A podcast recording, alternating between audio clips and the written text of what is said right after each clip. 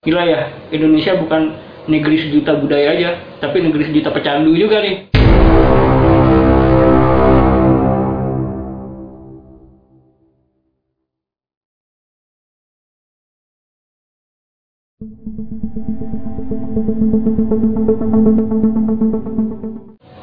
Halo semua, ketemu lagi sama gue Mons Madness. Oke, jadi konten yang kali ini ini bermula dari keisengan gue beberapa hari ini ngulik ya tentang fenomena narkotika di Indonesia. Dan angka pengguna saat ini uh lumayan bikin gue agak gimana ya agak takut iya deg-degan iya. Di Indonesia itu untuk saat ini pengguna narkoba angkanya sekitar 3,6 juta pengguna. Ya di mana 2,2 jutanya adalah pelajar dan mahasiswa dan sekitar 1,5 juta ya. Itu adalah pekerja. Dan angka kematiannya per hari sekitar 50 orang. Gila ya Indonesia bukan negeri sejuta budaya aja tapi negeri sejuta pecandu juga nih. Ya dan ini ini PR kita bersama dan harus kita perhatikan bersama ya.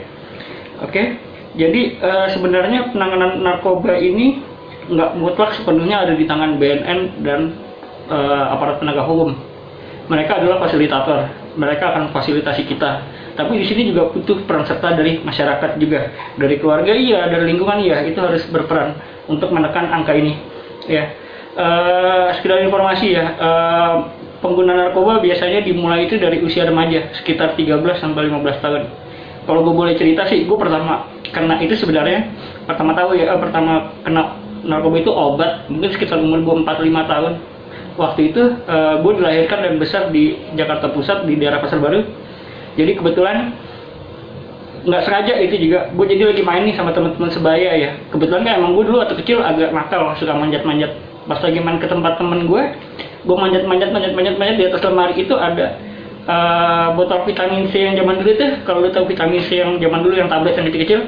Nah itu ada ada cup kayak gitu yang bisa diputar. Itu warnanya kuning yang gue tahu kan dulu kalau warna kuning adalah vitamin C. Dan gue ambil gue makan.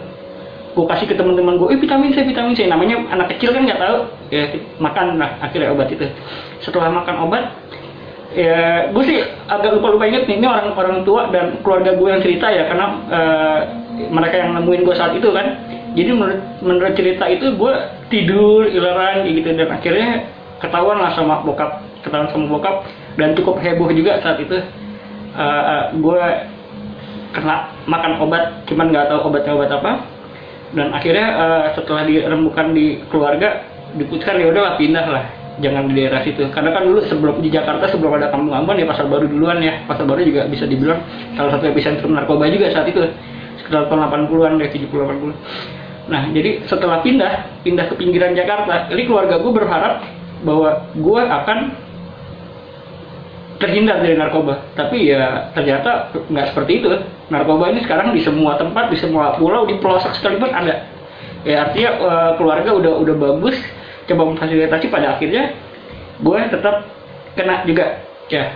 Nah ini pesan gue buat buat kalian semua ya uh, kalau ada keluarga atau saudara kalian yang terkena narkoba pesan gue satu jangan dijauhi. Kedua jangan dimarahin. Rangkul. Rangkul dia. Bikin dia ngerasa nyaman sampai akhirnya di dalam diri dia itu punya keinginan untuk ah sudahlah gue mau berhenti gue untuk apa lagi? Kayak gitu.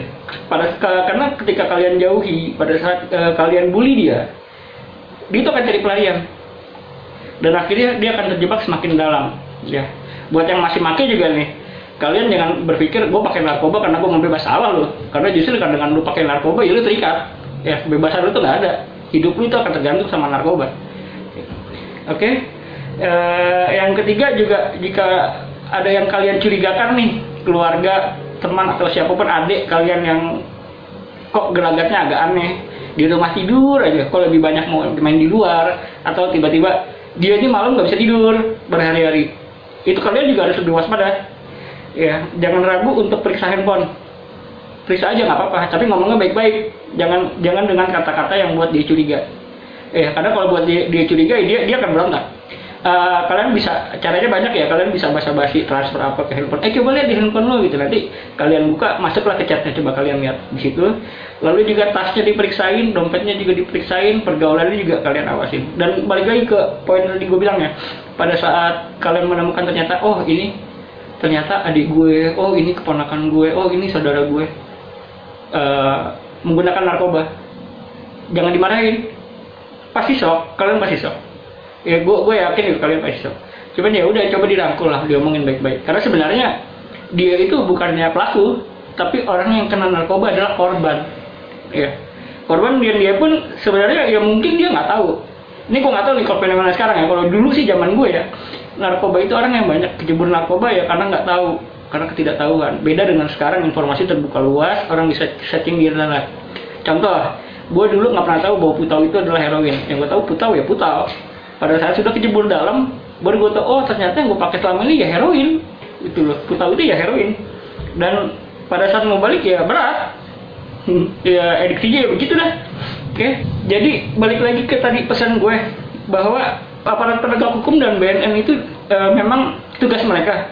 Tapi tanpa bantuan kita semua, gua rasa juga jalan mereka agak agak susah ya. Apalagi kalian yang punya keluarga narkoba malah ditutup-tutupin itu salah ya.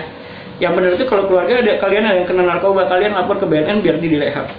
Dan sekedar informasi pada saat kalian lapor ke BNN, ya pada saat itu anak direhab maka haram hukumnya buat dia masuk penjara.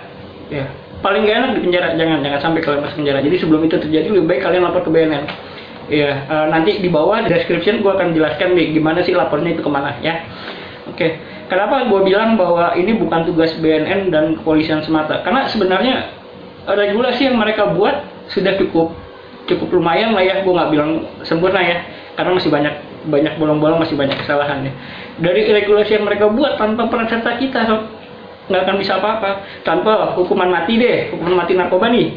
Dari tahun 98 itu sampai ke sini itu uh, angka hukuman mati uh, pengedaran narkoba itu semakin meningkat setiap tahunnya. Di tahun 2000 itu cuma satu orang.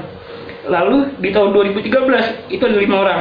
Ya, di tahun 2016 ada 16 orang.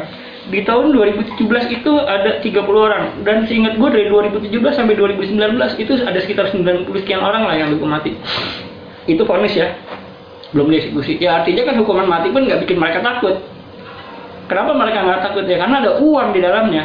Ya. Sekedar informasi ya bahwa uh, aset yang sudah disita. Kalau aset ini kan artinya barang bukti yang sudah ter, eh, barang bukti yang sudah terungkap ya. Yang belum terungkap masih lebih banyak. Itu ada sekitar 5 T. Coba lu kalau bicara 5T bisnis 5T dengan resiko mati ya gue rasa semua orang juga mau gitu lah. Makanya ini butuh peran serta dari masyarakat juga. Masyarakat harus membantu kita harus saling backup dengan kepolisian dengan BNN ya terserah deh. Ini ini ini mungkin konten gue ini kontra dengan teman-teman yang masih menggunakan atau sangat kontra lagi dengan bandar ya, ya peduli setan karena gue nggak lulusan. Ya. oke. Okay? jadi buat teman-teman yang masih menggunakan pesan gue berhentilah. Udah udah bukan saatnya. Stop. Ini Indonesia saat ini udah darurat narkoba so. ya kan? Ketika lu belum nggak ada keinginan buat stop yang yang akan lu dapat adalah nanti di dalam hidup lu ada empat tuh ya R pertama adalah rehabilitasi. Itu masih bagus lu bisa direhab lu bisa sembuh ya. Ya kan? Artinya lu masih bisa kembali ke dunia nyata lu masih bisa kembali ke kehidupan yang normal ya kan? Dan R yang kedua adalah rumah sakit jiwa. Ya. Gue sendiri masuk rumah sakit jiwa nggak? Tapi dalam penanganan dokter psikiatri ya memang dari beberapa rumah sakit adalah udah, udah dua, dua atau tiga rumah sakit gue masuk ya. Ya alhamdulillah ya masih stabil gitu loh. Banyak yang dari pengguna narkoba masuk ke rumah sakit jiwa. Ya. ini R1 adalah rehabilitasi R2 adalah rumah sakit jiwa. Masih bagus di R1 R2 R3 rumah tahanan sob. Lu belum sempet tobat lu ketangkap polisi. Aduh. Pada saat lu ketangkap polisi yang ada dalam benak lu pertama adalah pas pertama tangkap ya mungkin gue salah sama keluarga gue gue ini gue ini gue ini gue ini gue. nah di dalam lu pilihan lu dua. Antara lu tobat atau lu jadi lebih gila. Lebih gila karena keadaan ya kan? Bisa juga lebih gila karena lu ngerasa ngerasa bersalah lu terlalu dalam sama diri lu ya. Oke? Jadi rehabilitasi lalu rumah sakit jiwa ketiga rumah tahanan yang keempat rest in peace lo mati. Kalau lu udah mati udah kelar nggak ada lagi. Cerita hidup lu juga nggak ada lagi. Udah percuma lu hidup juga nggak ada hasil buat apa? Kalau emang tujuan lu mau mati ya kan? Saran gue ya nggak usah pakai narkoba minum racun nyamuk no. Lebih cepat mati. Apa sih terakhir lu cuma menyusahin keluarga kan oke ya itu itu yang terakhir ini cuman sekedar intermezzo buat lu nih buat lu sadar lah ya. Gue gue juga nggak mau menjas lu terlalu dalam karena gue tahu rasanya jadi pemakai itu nggak enak dan ya gue yakin di dalam diri lu uh, masing-masing itu ada keinginan gue mau jadi orang benar gue mau jadi orang benar gue mau jadi orang benar. Oke sekarang tinggal saatnya lu buktikan kalau memang susah lu nggak bisa lewatin tahapan ini. Lu bisa diskusi sama gue gue akan berbagi semua cerita ke lu. Gue akan bagi tips dan trik sih ke lu ya. Karena kita berawal dari hal yang sama. Kalau gue bisa sadar gue bisa kembali ke dunia nyata kenapa lu nggak? Ya. Kalau gue bisa berkarya tanpa narkoba kenapa lu nggak bisa? Oke? Kita sama kok. Oke. Pesan gue buat semua mari bersama-sama bergandeng tangan. Kita bantu BNN kita bantu kepolisian kita bantu keluarga kita yang jadi korban. Kita berantas narkoba. Kita perangi sama-sama. Karena itu adalah musuh bangsa untuk saat ini. Ya. Sekian dari gue. Terima kasih. Selamat siang